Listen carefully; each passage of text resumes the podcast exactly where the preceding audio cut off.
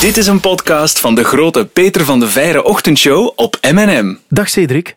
Dag Peter. Welkom bij... 22 minuten stomme vragen. Ja, je hebt een boek geschreven, je bent jong en je wilt beleggen. Hoe goed ben je in stomme vragen? Ik denk redelijk goed, ik ben benieuwd. Ja? Wat is de stomste vraag die je ooit gekregen hebt? Oeh, dat is een goede vraag. Ehm, misschien nu, actueel, eh, moet je niet studeren? Dat vind ik wel een eh, lastige vraag. Ah ja, je studeert nog, doet nog eh, universiteit. ja, Ja, dat is waar. Moet je niet studeren? Eh, ik heb maandag examen gehad, ik heb gisteren examen gehad en mijn volgende is eh, komende maandag. Oh, kijk. Kan, komt goed, toch? Wel. Peter, Koutar en Wanne stellen 22 minuten stomme vragen over beleggen. Met Cedric Proost. Als de 22 minuten voorbij zijn, stoppen de vragen. Cedric, we gaan de klok starten. Is misschien een eh, stomme vraag, maar hoe ben jij begonnen met beleggen? Ehm, dat is eigenlijk op een heel, heel stomme manier eigenlijk gebeurd. Ehm, ik had een, een spaarrekening van mijn ouders. Ehm, ze hadden maandelijks, allee, gedurende mijn 18, eh, 18 jaar, wat geld aan de kant gezet. En ehm, toen ik 18 werd, kreeg ik die rekening. En dan kreeg ik zelf ook die rekening uittreksels. En op een bepaald moment ehm, deed ik die rekening uittreksel open. En ik zag eigenlijk dat ik maar anderhalve euro interest had gekregen op die spaarrekening. en de kosten om die brief op te sturen waren 2,5 euro. Nee. Dus eigenlijk was die brief opgestuurd met de melding om te zeggen dat mijn, ja, mijn balans, mijn euro, gezakt was. Ehm, en toen besefte ik eigenlijk van, ja, ik was dan ook TW aan het studeren aan de universiteit. Ehm, en dan besefte ik van, ja, hier klopt iets niet. Want normaal gezien zou een spaarrekening toch iets moeten opbrengen. Dat is hetgeen dat ik altijd geleerd heb als ik klein was. Van eh, sparen, want het levert iets op en nu kost het mij ook geld. En dan ben ik eigenlijk naar een andere bank gestapt. Ik ben eigenlijk heel impulsief naar, naar die bank gestapt, mijn geld eh, gaan afhalen en een nieuwe rekening gaan openen. En dan heeft die bank mij eigenlijk voorgesteld om te beleggen als ik een, eh, een beter rendement wou. En zo ben ik zelf begonnen met in een fonds te, te beleggen. Ja, fonds voor alle duidelijkheid is eigenlijk een soort korf van aandelen die, Ja. je, dan, eh, die je dan koopt. Klopt, inderdaad. Dus mijn fonds kan je bijvoorbeeld voor een vast maandelijks bedrag vanaf 25 à 50 euro, afhankelijk van welke bank, Mhm. Ehm, kan je eigenlijk al beginnen te beleggen. Dan geef je je geld eigenlijk af in een soort van pakketje, zeg maar. En de fondsbeheerder verzamelt al dat geld van alle mensen dat samenkomt Ja. en gaat daar dan mee beleggen. Ja. Maar je hebt zelf natuurlijk wel geen keuze in wat je gaat beleggen. Je Nee. kunt natuurlijk wel zien als je een bepaald fonds gaat beleggen, in wat dat die investeren. Eh, maar de fondsbeheerder heeft altijd wel de keuze uiteindelijk. Ja, ik kan de risico's ook beperken. Dat voor mijn zoon effectief intussen. Ah, goed. Ja, in plaats van spaarrekening heeft geen zin meer. Hè? Het levert niks op. Om zoek naar levensverzekering en tax eh, 4, 5, 26, wat is het allemaal? Maar zo'n beleggingssysteem is wel handig. Misschien een stomme vraag, maar is beleggen eigenlijk niet gewoon een veredelde vorm van gokken? Of is er een verschil? Ehm, je kunt er een veredelde vorm van gokken van maken, maar als je het op een slimme manier aanpakt, dan eh, is het eigenlijk een soort van gegarandeerde, gegarandeerde winst dat je kunt, eh, kunt maken, op lange termijn weliswaar. Ehm, als je nu vandaag de dag zou beginnen beleggen, dan is de kans groot, of toch reëel, dat je binnen een maand of binnen een paar maanden met verlies staat.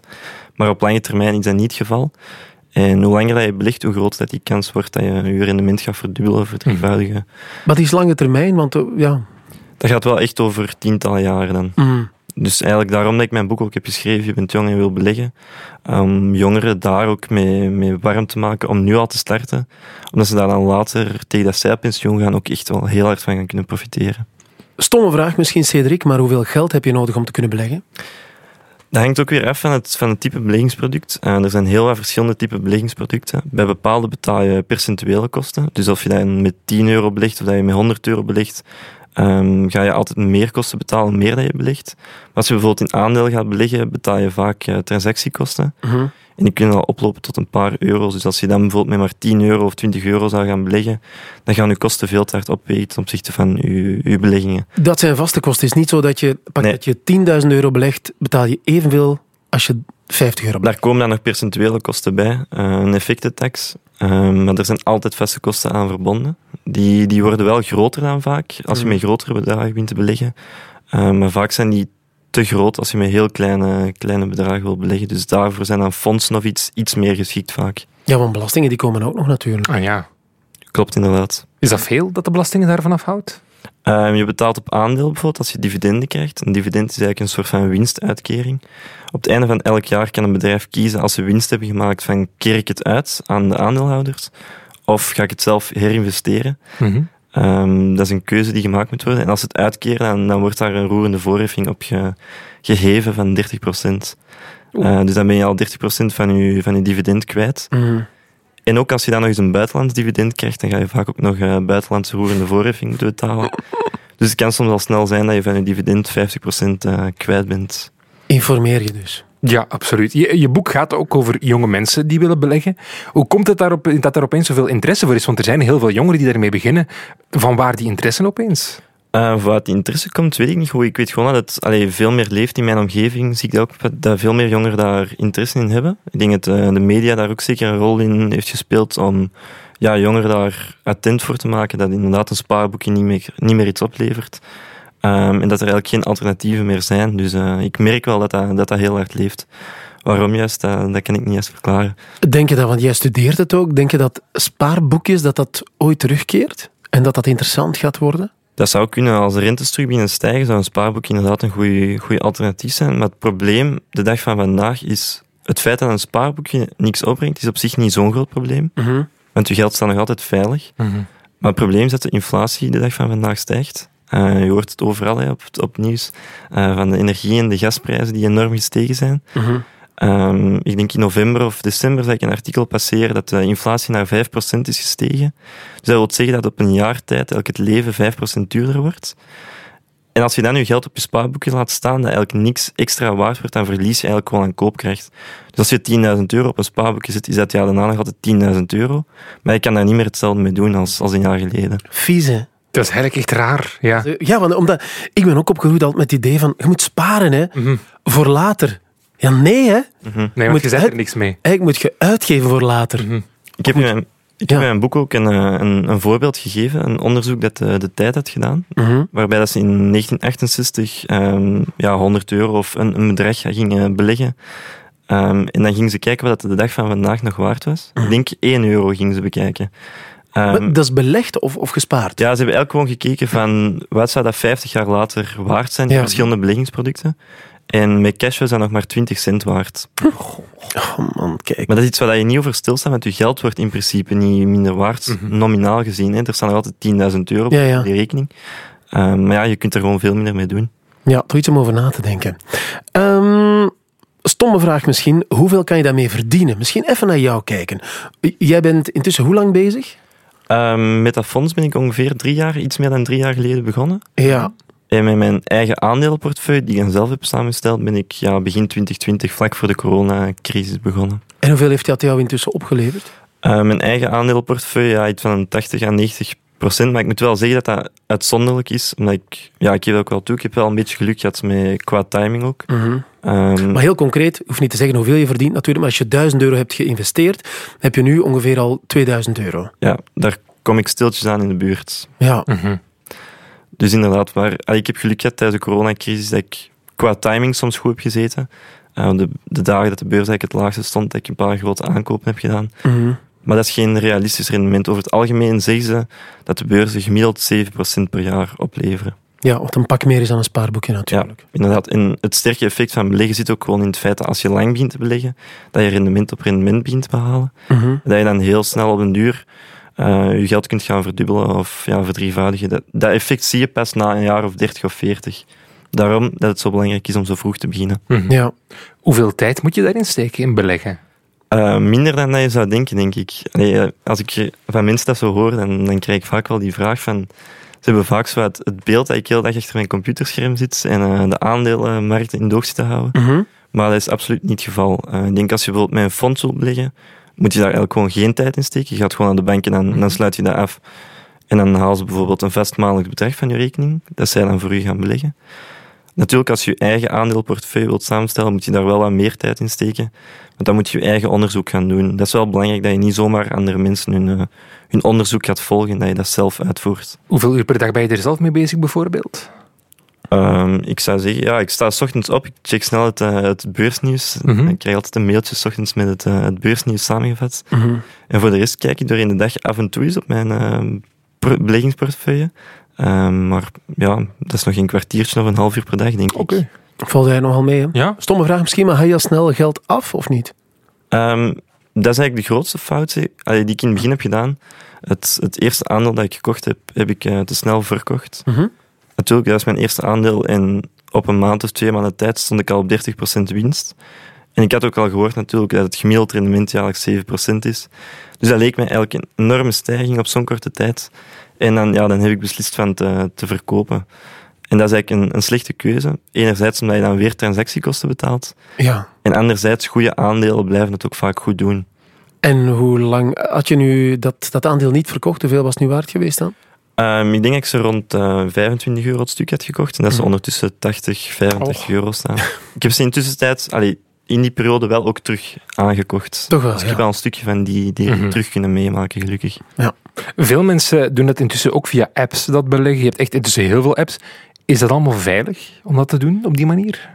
Ik vind dat persoonlijk super veilig. Uh, wat ik bijvoorbeeld iets, heel, allee, iets super, super goed vind aan die apps, is um, dat je effectrekening, en een rekening die je moet aanmaken als je start met beleggen, dat die altijd gekoppeld is aan één vaste zichtrekening.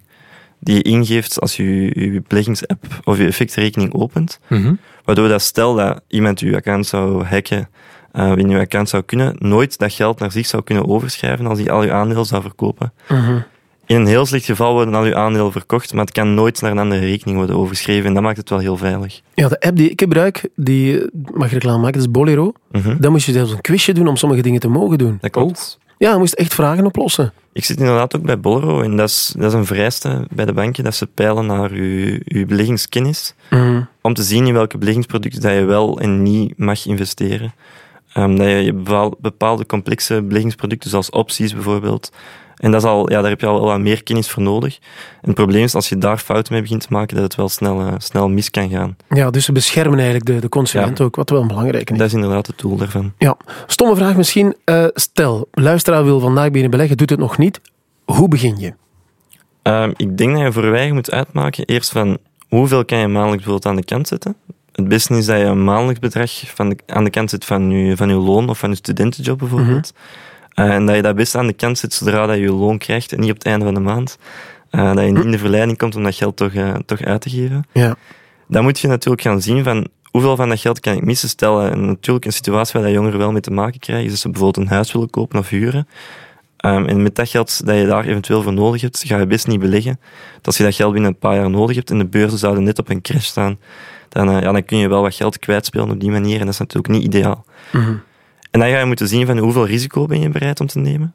En elk beleggingsproduct heeft eigenlijk zijn eigen risicoprofiel, waarbij dat de, de spaarrekening eigenlijk het veiligste is. In theorie, want ja, eigenlijk is dat gewoon een gegarandeerd verlies ondertussen. Mm-hmm. Um, en dan heb je bijvoorbeeld ja, bepaalde beleggingsproducten zoals die cryptomunten die, die heel populair zijn, die dan heel risicovol zijn. Dus dat is niet per se slecht. Uh, ik ben daar niet per se tegen, maar je moet er wel van bewust zijn um, dat die wel wat risico met zich meedragen en dat je mogelijk ook wel, wel meer geld kunt verliezen. Ben je dan best dat je gewoon even naar een bank gaat?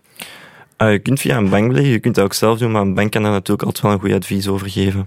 Okay. Misschien een stomme vraag, maar het is al een paar keer gebeurd dat er opeens een financiële crisis is. Ik denk aan 2008, dat was gigantisch toen.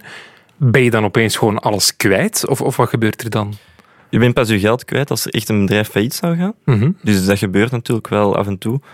Um, maar hetgene dat je altijd moet doen als je belegt, is eigenlijk je, je geld spreiden in verschillende aandelen. Dat je niet al je geld in één aandeel gaat steken. Dat is een van de, ja, de gedachten die ik had toen ik uh, startte met beleggen.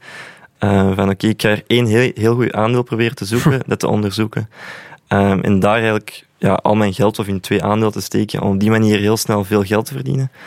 Maar de beurs is zo onvoorspelbaar dat aandelen waarvan dat ik nu dacht dat ze het heel goed gingen doen, die soms eigenlijk slechter presteren. En aandelen waarvan ik minder verwachting had, dat die het veel beter blijkt te doen. Ja. En doordat je veel meer aandelen of meer beleggingsproducten gaat kopen, kun je dat, kun je dat risico wel serieus beperken. In welk product zou je nu investeren? Een beleggingsproduct specifiek? Mm. Nee, ik bedoel, uh, in, in welke sectoren? Um, ja, als jonger ben ik sowieso al fan van de technologie-sector. Alleen moet je natuurlijk opzetten dat je niet al je aandelen in de technologie-sector gaat steken. Mhm. Want zoals ik zei, die spreiding is, is niet bijvoorbeeld door in, in Apple, in Microsoft en Facebook uh, te gaan beleggen. Mhm. Want die bedrijven die zijn gecorreleerd aan elkaar. Wat dat wil zeggen dat als een van die bedrijven het goed of slecht doet, dat andere vaak mee ongeveer in dezelfde richting bewegen. Dat wil niet zeggen dat die exact hetzelfde gaan doen. Mhm.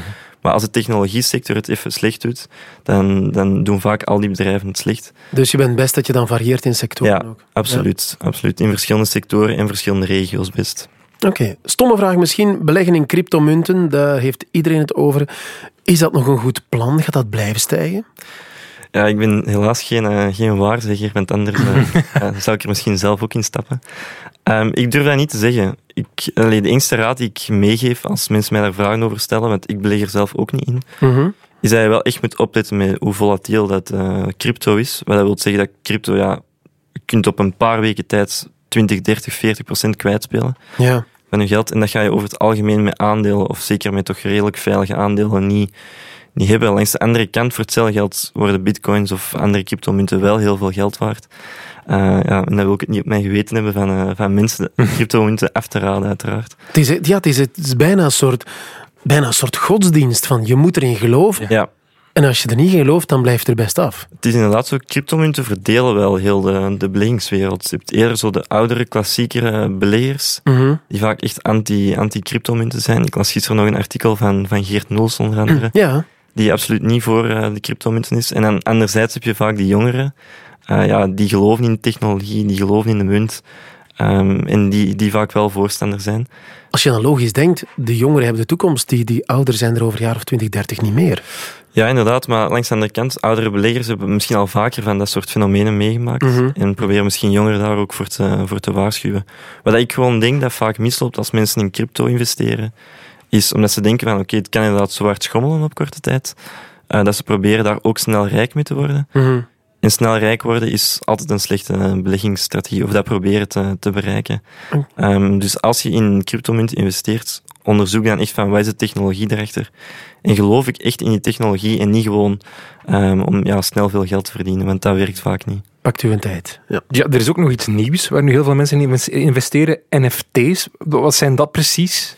Um, voor zover ik daar iets van ken, want uh, mijn kennis is daar eerder nogal over beperkt, is eigenlijk Mhm. een soort van digitale kunst. Um, ja, kunst is digitaal proberen te verkopen.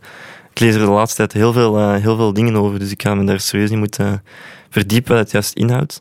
Mhm. Ik weet niet of dat echt de toekomst gaat zijn. Het kan misschien een van de, van de zoveel hypes geweest zijn. Mhm. Um, dus ja, ik zou daar eer, eerlijk gezegd zeker als beginner toch wel mee, mee oppassen. Er, zeker- was iemand die een tweet had verkocht zelfs. Maar ja, die bedragen ook dat daarin omgaan, dat is Waanzin. belachelijk. Die Mhm. eerste tweet was voor miljoenen verkocht. En je denkt van, maar Ja. nee. Heel bizar allemaal. Mhm. Ja, er is heel veel, heel veel geld bij, bij jongeren toch wel in omloop. Ik denk als je als jongere een studentenjob doet, dat je wel gemakkelijk wat, wat geld kunt sparen. Mhm. En ja, de coronacrisis heeft er ook wel wat voor gezorgd dat er bijvoorbeeld de periode dat er geen voetbalwedstrijden waren, Mhm. ehm, dat je bijvoorbeeld niet naar casinos of wat dan ook kon gaan, dat, dat geld eerder verschoven is naar de, de beurzen of andere beleggingsproducten. En dat geld stroomt dan nergens naartoe en daardoor kun je zo van die, van die gekke fenomenen wel, eh, wel krijgen. Ja. Nu, stomme vraag. Eh, hoe hard kan het misgaan? In de zin van, ja, die beurs die, die gaat op en neer, maar soms kan die ook gewoon compleet ontploffen. Mhm. Eh, dat klopt. Het is wel zo, vaak hoor je het niet als de beurzen het goed doen in de media. Mhm. En hoor je het heel hard als het slecht gaat. Dat is ook wel dat de beurzen over het algemeen redelijk traag stijgen. En als het dan fout gaat, gaat het vaak heel snel fout. Omdat mensen dan in paniek slaan. En dan krijg je eigenlijk een visieuze cirkel waarbij iedereen begint te verkopen en niemand nog durft te kopen. Mhm. Langs de andere kant, ehm, als ik zo zeg, in de financiële crisis, ik heb die zelf niet heel actief meegemaakt, omdat ik echt negen jaar was. Mhm. Ik wist wel dat die gaande was natuurlijk. Uh, maar dan zijn de aandelenmarkt, ik denk 40, 50 procent, uh, 60 procent zoiets gezakt. Maar langs de andere kant, als je toen zou belegd hebben, zelfs op het hoogtepunt van vlak voor de financiële crisis starten, en je zou gewoon zijn blijven zitten, dan zou je nu de dag van vandaag nog altijd veel meer geld hebben gehad dan dat je nu had. Tenzij dat je natuurlijk al je, aan, al je geld in uh, bankaandelen had gestoken, bijvoorbeeld. Ja. Dan kan je wel wat geld kwijt zijn. Maar daarom dat ik zeg dat je niet al je geld in bankaandelen of enkel in technologieaandelen moet steken, Mhm. maar in heel veel verschillende sectoren, om dat soort zaken net te vermijden. Dus diversifiëren en lang wachten. Ja, want inderdaad, want in de coronacrisis hebben eigenlijk de technologieaandelen het net heel goed gedaan, omdat Mhm. ja, we gingen meer via Zoom uh, of Mhm. via Teams vergaderingen doen. Um, we gingen meer ja, online shoppen. Dus die aandelen hebben daar eigenlijk net van kunnen profiteren. En je kunt dat nooit op voorhand weten, wat voor crisis dat er gaat aankomen. Hm. Maar als je ja, gespreid zit, dan ga je altijd mensen of sectoren hebben die daarvan profiteren. Hm. Ja, en anderen die er ook zo onder lijden. Maar over het algemeen valt dat best wel mee. Zijn er zo voorbeelden waar het echt compleet mis is gegaan? Ja, dan denk ik aan het voorbeeld van Lernout en Houseby. Uh, ook niet zelf actief meegemaakt. Wat is daar precies gebeurd, voor mensen die het niet weten? Ja, ehm, dat is een, een bedrijf geweest, uh, audiotechnologie als ik mij niet Ja, speech-technologie. Die hadden eigenlijk... Ja, want eh, er is nog altijd een, een onderdeel van Lerner Houseby dat nog verder leeft. De Siri-stem. Die had dingen voor uh, Lerner Houseby ook ingesproken. Dat is echt zo spraaktechnologie. Ja. ja. Inderdaad, en dat is ook volledig eh, misgegaan. Dat leek ook een, het, super, het super aandeel te worden. Eh, heel veel mensen hun geld ingestoken en ja, heel veel mensen hun geld aan verloren helaas. Omdat er fraude is gebeurd bij de boekhouding. En, Oeh. Ja, het product was top, hè. Dat is echt een topproduct. Die hadden zelfs een volledige... Wat is eh, Speech Valley in Yper of zo, hadden die, hadden die gebouwd. Die staan er nog altijd, die bureaus. Maar het was inderdaad dat een, het was een fraudezaak. Dus dat had niks met product te maken. Het is compleet, compleet gecrashed. En mensen echt al hun geld kwijt aan. ja, inderdaad. Oh, heftig. Ja. Dus kan, kan zomaar gebeuren bij succesvolle bedrijven ook. Hè. Zeg, misschien een stomme vraag, maar heb je zelf een aandeel waar je echt trots op bent? Waar je echt denkt van, maar dat vind ik cool dat ik dat in mijn portefeuille heb? Ja, dat aandeel dat ik er net zei, dat ik eh, te vroeg verkocht heb, Alphen, Mhm. een Nederlands bedrijf dat eh, ja, oplaadpalen voorziet. Eh, maar ze doen ook bijvoorbeeld, ze maken containers waarin dat ze groene energie of eh, her- hernieuwbare energie opslaan. Ehm, dus ja, dat leek mij wel echt een sector. Dat leek mij een beetje een combinatie van technologie en, eh, en groene energie. eh, gecombineerd eigenlijk. En ja, de aandeel heeft het heel goed gedaan. Ik heb het helaas in tussentijd te vroeg verkocht en dan wel teruggekocht. Mhm. Uh, maar dat is wel echt een, een uniek aandeel ten opzichte van ja, Microsoft of een, of een Google, dat wel wat meer mensen hebben. Dat is wel het meest unieke aandeel in mijn portefeuille, denk ik. Hoeveel verschillende aandelen heb je in je portefeuille? Mm, ik denk een 12 à 15, ik weet het niet exact juist, maar in die, in die rangorde. Valt mee eigenlijk, hè? Ja, dat valt best mee. Ze zeggen dat je best ongeveer een 15 à 20 aandelen Mhm. hebt. Uh, langs de andere kant, ja, als je 20 aandelen moet kopen, betaal je weer heel wat transactiekosten. Mhm. Uh, dus dat is natuurlijk wel een, een dure manier van, uh, van spreiden.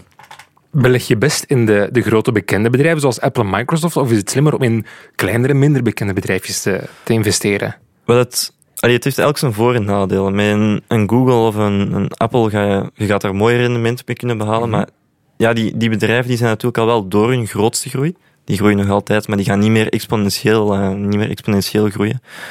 Met die kleinere aandelen heb je natuurlijk wel de kans dat dat een nieuwe Apples of uh, ja, Amazons of wat dan ook gaan worden. Mm-hmm. Maar het kan ook wel helemaal misgaan natuurlijk. En, en vaak proberen mensen toch wel dat soort aandelen te ontdekken, om daar ook weer heel veel geld mee te, te verdienen. Maar dan kun je beter bijvoorbeeld in, in holding, uh, dat is eigenlijk een soort van investeringsmaatschappij gaan beleggen, die eigenlijk actief dat soort bedrijven opspoort. Je hebt bijvoorbeeld Belgische Sofina, uh, die hebben al heel wat van dat soort technologieaandelen ook kunnen ontdekken in een heel vroege fase. Vaak vroeger dan dat je, dan dat, je dat als beginnende belegger zou kunnen, zou kunnen spotten. Dus dan kun je eigenlijk beter onrechtstreeks op die manier uh, dat soort aandelen proberen te beleggen. Mm -hmm. Wat wil je worden als je later groot bent, Cedric? Dat is een heel goede vraag. en het antwoord gaan we nooit weten. Het boek is uit, je bent jong en je wilt beleggen. Dankjewel, Cedric Proost. Graag gedaan. Zin gekregen in meer podcasts van M&M? Check mnm.be.